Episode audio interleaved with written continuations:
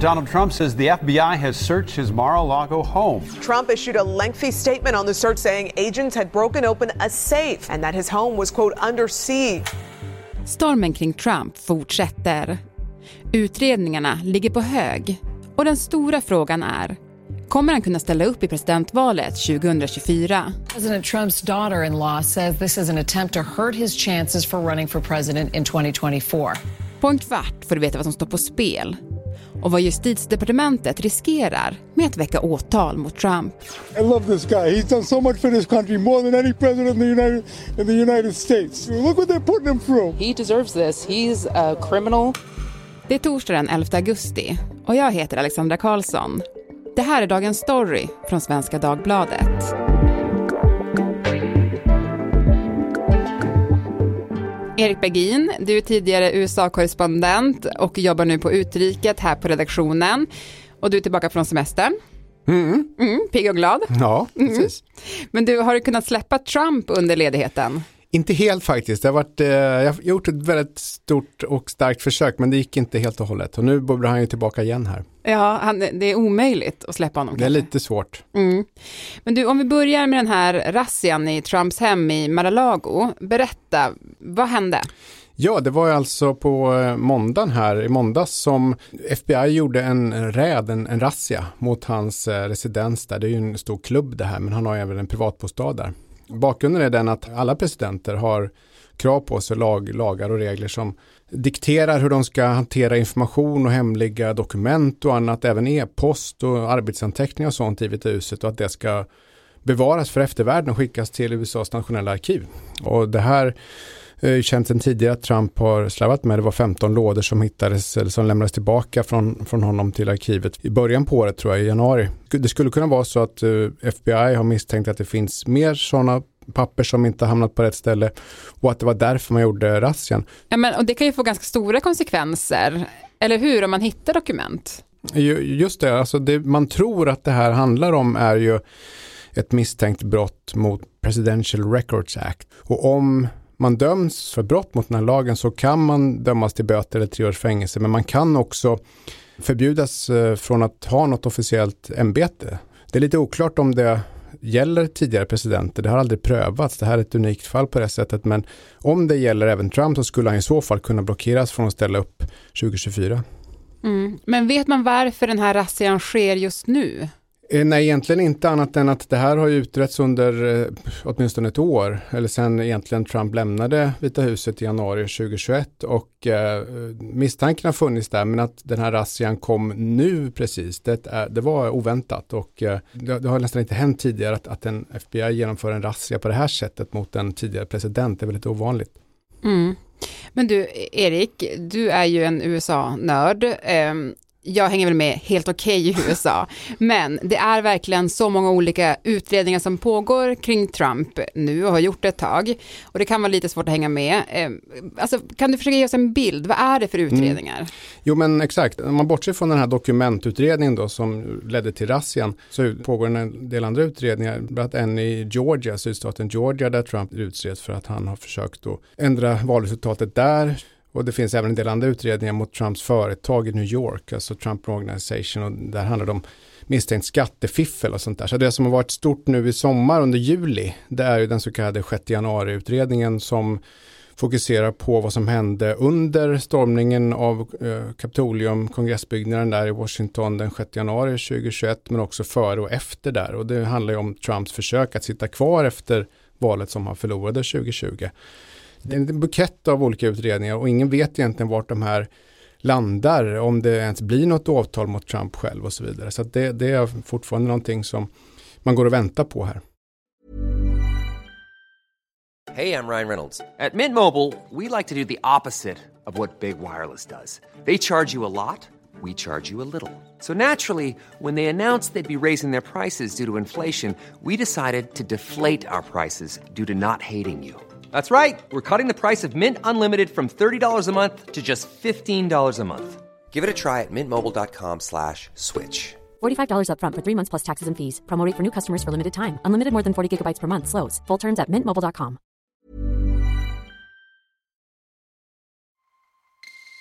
So it was obvious that the situation at the Capitol was violent and escalating quickly. I think that in that moment, for him to tweet out the message about Mike Pence, it was him pouring gasoline on the fire and making it much worse. Det var som att hälla bensin på elden, säger Sarah Matthews, Vita husets tidigare pressekreterare, när hon förhörs i kongressen i juli. Hon pratar om den tweet som Donald Trump skriver, mitt under stormningen av Kapitolium. Vicepresident Mike Pence har vägrat ogiltigförklara valresultatet och Trump är arg. När han twittrar att Pence inte hade modet att göra vad som var nödvändigt befinner sig tusentals arga Trump-supportrar inne i Kapitolium.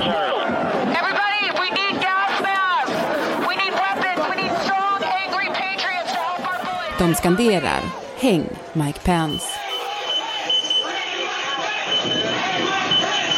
Enligt Sarah Matthews eldade Trump på folkmassa med sin tweet och utsatte Pence för extrem fara. I overheard the president say something to the effect of, you know, I, I don't effing care that they have weapons.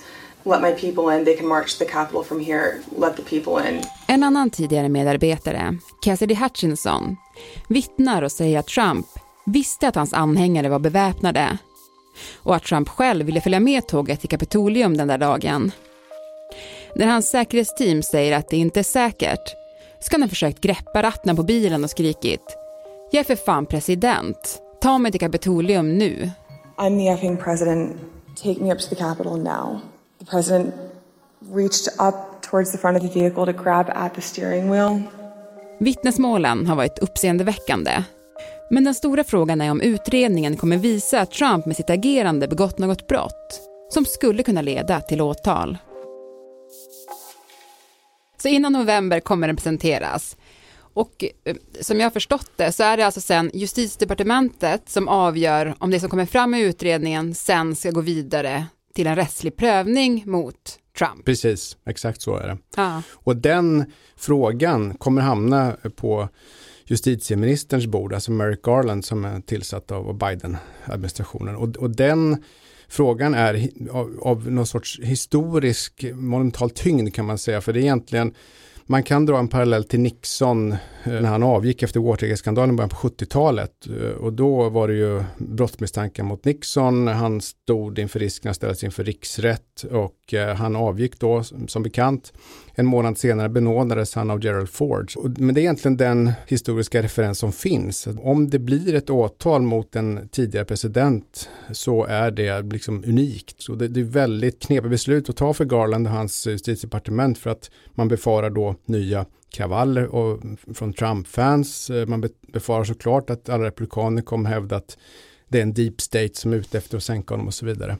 Det kan också vara så att det inte blir något beslut om åtal. Eller att, eh, som vissa hävdar, det bästa vore att man la fram anklagelserna, men att Biden sen benådar Trump. Och man försöker liksom låta nationen gå vidare och läka alla sår och sådär. Det är inte ett helt lätt beslut för honom. Garland, nej det är det inte. Och, och jag menar för justitiedepartementets eh, del, om man säger för amerikanska statens del, det, det, absolut värsta som kunde hända vore förstås om man väcker ett åtal mot Donald Trump för någon sorts konspiration, eh, iscensatt någon sorts statskupp för att kunna sitta kvar och sen han frias i den rättegången. Det vore ju ett juridiskt fiasko kan man säga av, av stora mått och då skulle han ju hyllas av sina anhängare och förmodligen dra en massa stöd från republikanska väljare och, och öka chansen att vinna presidentvalet 2024 om man ställer upp där. Så, så det är ju en, en risk som justitiedepartementet måste säga, värdera eller hantera på något sätt om man väljer att väcka åtal mot honom. Mm. Trump själv säger att det här är en del av en häxjakt mot honom och har ju sagt det mm, länge. Men finns det fog för det? Eh, det gör det väl inte egentligen om man ser det till vilka fakta som har kommit fram under den här 6 januari-utredningen. Det är ju inte åsikter som lagts fram där utan det finns ju belägg för vad de gjorde och vilka åtgärder de, de tog. Sen klart, det är ju så att en amerikansk presidentadministration tillsätter ungefär 4 000 poster i en, en regering olika. Sen finns ju tiotusentals vanliga byråkrater, åklagare, utredare, alla möjliga när någonting går Trump emot så hävdar han ju att alla de här tiotusentals tjänstemännen på till exempel justitiedepartementet är emot honom. Mm. Trump själv beskrev den här razzian i måndags som en attack av radikala vänsterdemokrater. Eh, det var ju FBI som utförde razzian. Vem styrs de av? Ja, FBI som är den federala polisen styrs av justitiedepartementet och, och, det stämmer ju att Garland då, justitieministern är ju för sig politiskt tillsatt i USA som i alla andra länder. Å andra sidan så är ju FBI-chefen Christopher Wray också politiskt tillsatt, men han är ju tillsatt av Trump själv. Så att, att hävda att det är radikala vänsterdemokrater är ju bara, ett, det är bara retorik från Trump. Mm. Du, när vi pratade tidigare här i podden Erik, så har du sagt att Republikanerna fortsatt ställa sig bakom eh, Trump. Men man undrar ju ändå, när blir det för jobbigt för dem att göra det? Ja, alltså den förändringen som har skett nu sedan i början av det här året är ju att då såg det ut som att han hade starkt stöd av eh, dels en stor majoritet av de republikanska väljarna men även också av tunga tongivande politiker i Washington. Det som har hänt sedan dess är ju att många republikaner kanske fortfarande tror på Trumps påstående att han fick valsegern bortfuskad och sådana där saker, men de vill hellre se någon annan som presidentkandidat 2024. I vissa mätningar är det över, över hälften av republikanerna som, som vill se någon annan. Det tror jag hänger ihop med egentligen samma sak som man kan se på demokratiska sidan, det vill säga att Trump är lite, han börjar bli ganska gammal och, och Biden är ju ännu äldre och många väljare oavsett parti vill se en föryngring. För båda blir ju till åren gångna. Ja, de kommer ju vara, Biden blir över 80 och Trump närmar sig också 80-årsstrecket om han svärs in då eh, potentiellt sett då i januari 2025 och, och ingen av dem är ungdomar och det finns stort tryck underifrån på att släppa fram andra kandidater och det tror jag en tung orsak till Trumps eh, fall i just de här mätningarna om vem, vem partiet bör ställa sig bakom. Well, thank you very much and I'm thrilled to be back at det är lördag den 6 augusti i Dallas, Texas. Här pågår den största och mest inflytelserika mässan för konservativa i världen. Conservative Political Action Conference, CPAC. Donald Trump, iklädd blå kostym med en liten amerikansk flagga på kavajslaget. En av de talare som lockar flest. Och när han står bakom podiet känns mycket av retoriken igen från hans tid i Vita huset. The election was rigged and stolen and now our country is being systematically destroyed. Men innan talet är slut hintar han om det personer i hans närhet säger att han redan bestämt sig för. Att han ska kandidera igen 2024. More votes than any sitting president in the history of our country by far. And now we may have to do it again. We may have to do it again. Och redan dagen efter FBI-räden släpper Trump en film som ser misstänkt mycket ut som en kampanjfilm. We are a failing nation. Det är en apokalyptisk bild av USA som Trump målar upp. Men det finns en räddning. Han själv. There is no challenge we cannot meet. There is no victory we cannot have.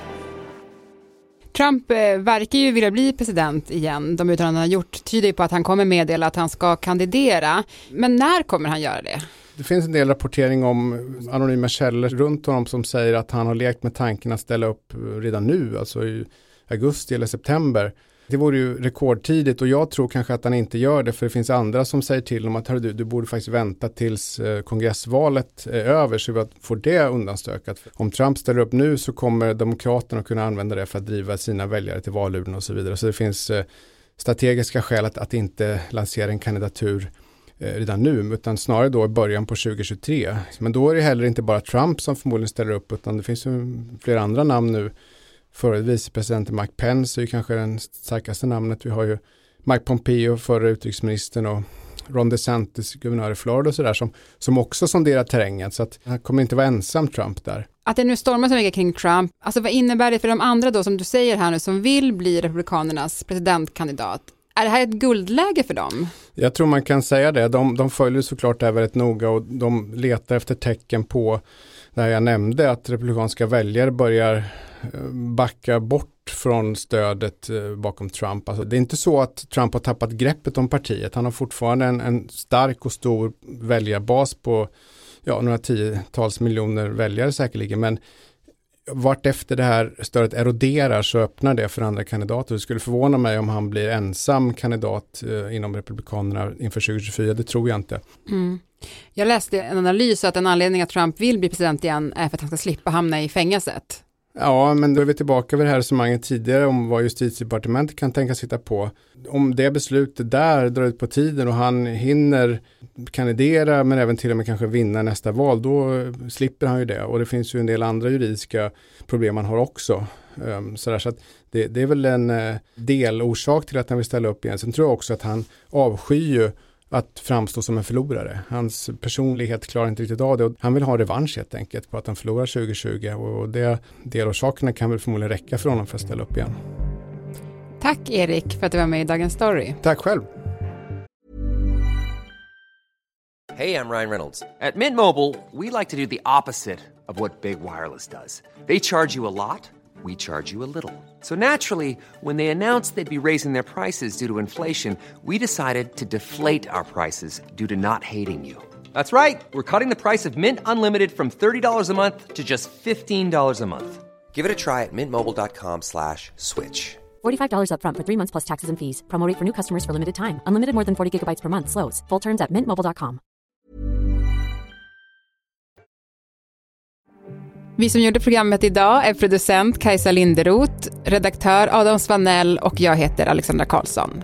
Vill du kontakta oss så mejla till dagensstory.svd.se. Klippen i programmet kom från Fox, CBS, Local 10 News, Aftonbladet, The Guardian, Politico och Expressen. Hey, folks, I'm Mark Marin from the WTF Podcast, and this episode is brought to you by Kleenex Ultra Soft Tissues, your ally to help tackle your allergy symptoms this season. I love the change of seasons, but nobody loves pollen and all those other things floating in the air that make you sneeze during this nice weather. Kleenex Ultra Soft Tissues are hypoallergenic and allergist approved, so fight back against watery eyes and runny noses without worrying about irritating your skin. For this allergy season, grab Kleenex and face allergies head on.